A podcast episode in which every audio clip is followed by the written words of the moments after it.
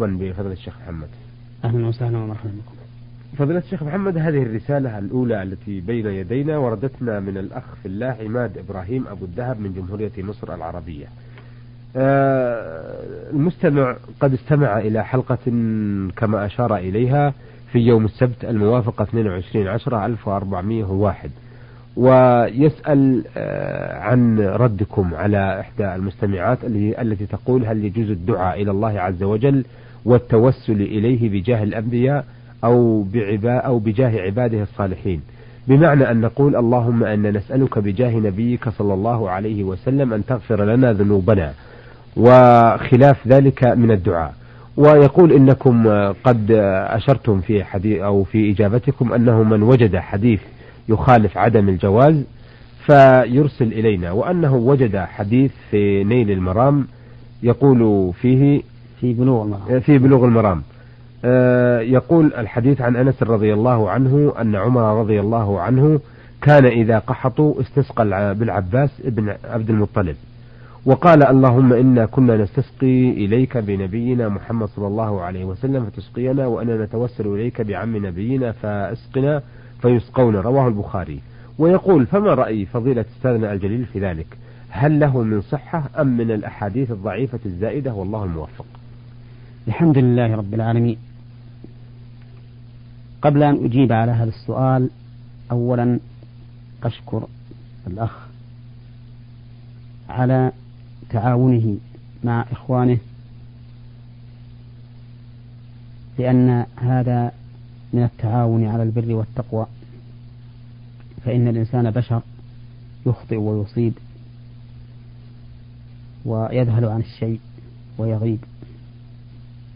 والشريعة ليست محجورة على أحد معين من الناس بل كل من آتاه الله تعالى علما وفهما وإخلاصا فإن له الحق في أن يتكلم بما آتاه الله تعالى من علم وفهم وإخلاص نعم. وهذا هو واجب كل مسلم في هذا الباب وغيره. أن يكون ناصحا لإخوانه حريصا على حفظ شريعة الله. إذا تكلم أحد فيها بخطأ حاول إصلاح الخطأ على وجه الحكمة والصواب. وأما بالنسبة لسؤاله فهذا الحديث الذي أشار إليه هو حديث صحيح رواه البخاري. ولكن من تأمله وجد أنه دليل على عدم التوسل بجاه النبي صلى الله عليه وسلم أو غيره.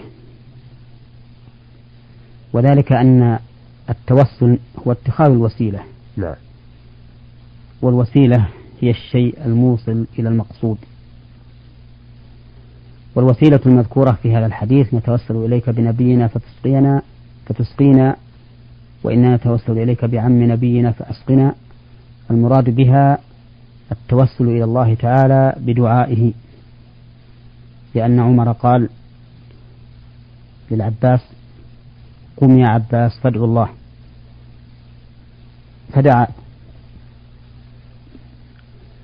ولو كان هذا من باب التوسل بالجاه لكان عمر رضي الله عنه يتوسل بجاه النبي صلى الله عليه وسلم.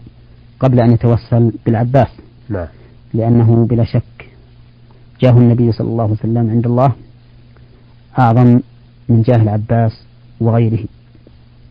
فلو كان هذا الحديث من باب التوسل بالجاه لكان الأجدر الأجدر بأمير المؤمنين عمر أن يتوسل بجاه النبي صلى الله عليه وسلم دون جاه العباس بن عبد المطلب. والحاصل أن التوسل إلى الله تعالى بدعاء من يرجى فيهم أن ترجى فيهم إجابة الدعاء لصلاحه لا بأس به. فقد كان الصحابة رضي الله عنهم يتوسلون إلى الله بدعاء النبي صلى الله عليه وسلم لهم.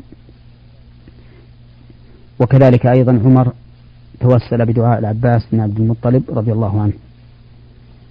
فلا بأس إذا رأيت رجلا صالحا حريا بالإجابة لكون طعامه وشرابه وملبسه ومسكنه حلالا وكونه معروف بالعبادة والتقوى لا بأس أن تسأل الله تعالى أن تسأله أن يسأل أن يدعو الله لك بما تحب. بشرط أن لا يحصل في ذلك غرور لهذا الشخص الذي طلبت من الذي طلب منه الدعاء. فإن حصل منه غرور بذلك فإنه لا يحل لك أن تقتله وتهلكه بهذا الطلب منه لأن ذلك يضره كما أنني أيضا أقول إن هذا جائز ولكنني لا أحبذه وأرى أن الإنسان يسأل الله تعالى بنفسه نعم. دون أن يجعل له واسطة بينه وبين الله لأن ذلك أقوى في الرجاء وأقرب إلى الخشية. كما أني أيضا أرغب في أن الإنسان إذا طلب من أخيه الذي ترجى إجابة دعائه أن يدعو له أن ينوي بذلك الإحسان إليه أي إلى هذا الداعي دون دفع حاجة هذا المدعو له. لأن ذلك إذا طلبه من أجل دفع حاجته صار كسؤال المال وشبهه. المذموم. وأما إذا قصد بذلك نفع أخيه الداعي بالإحسان إليه والإحسان إلى المسلم يثاب عليه المرء كما هو معروف صار هذا أولى وأحسن. نعم.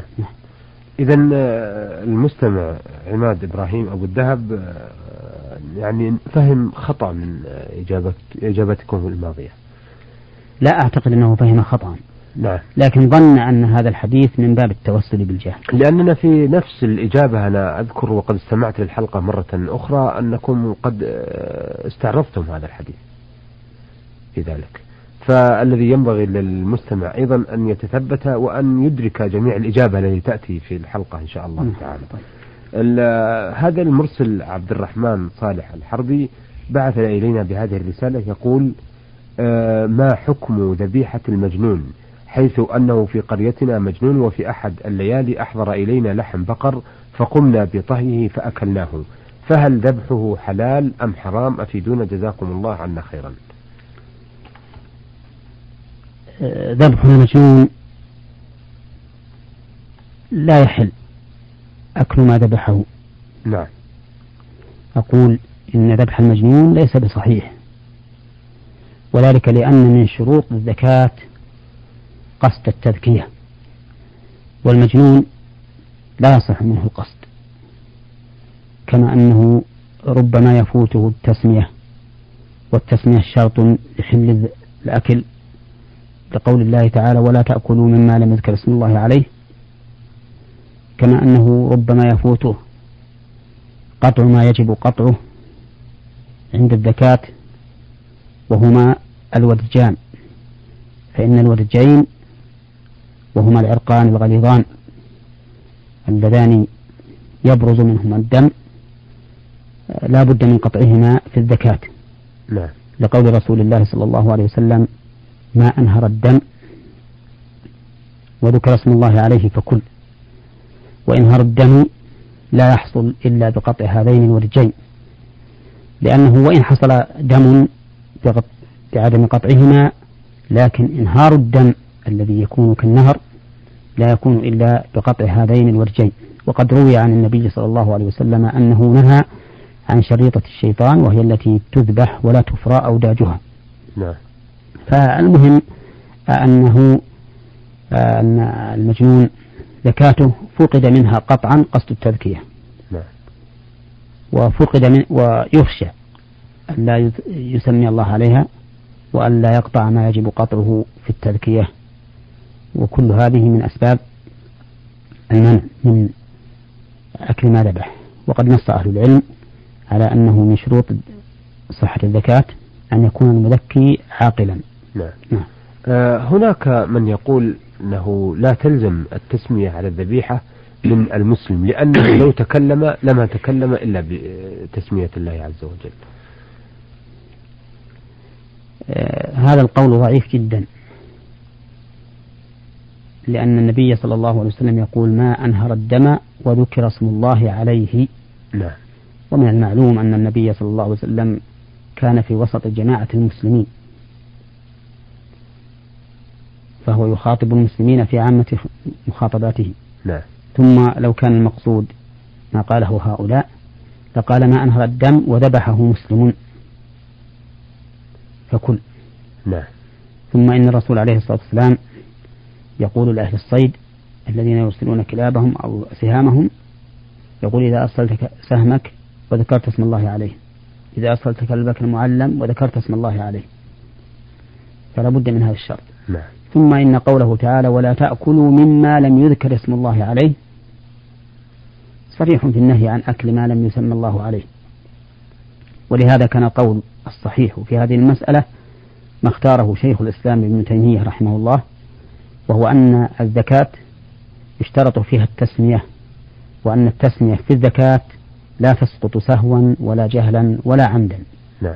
وأن ما لم يسمى الله عليه فهو حرام مطلقا وعلى أي حال لأن الشرط لا يسقط بالنسيان ولا بالجهل. وهذا القول أولى من القول المشهور عند الحنابلة رحمهم الله وهو المذهب أنه إذا ترك التسمية سهوا في الذبيحة حلت. وإذا ترك التسمية سهوا في الصيد لم يحل. وهذا لو أردنا أن نرجع إلى الواقع لكنا نعذر صاحب الصيد أكثر مما نعذر صاحب الذبيحة لأن صاحب الذبيحة يذبحها على تؤدة ويقل النسيان منه. أما صاحب الصيد فإنه يرمي سهمه انتهازا للفرصة ومثل هذا يغيب عنه كثيرا التسمية. فعذر صاحب الذبيحة وعدم عذر صاحب الصيد كان الأولى والأجدر من حيث النظر أن يكون أمره بالعكس.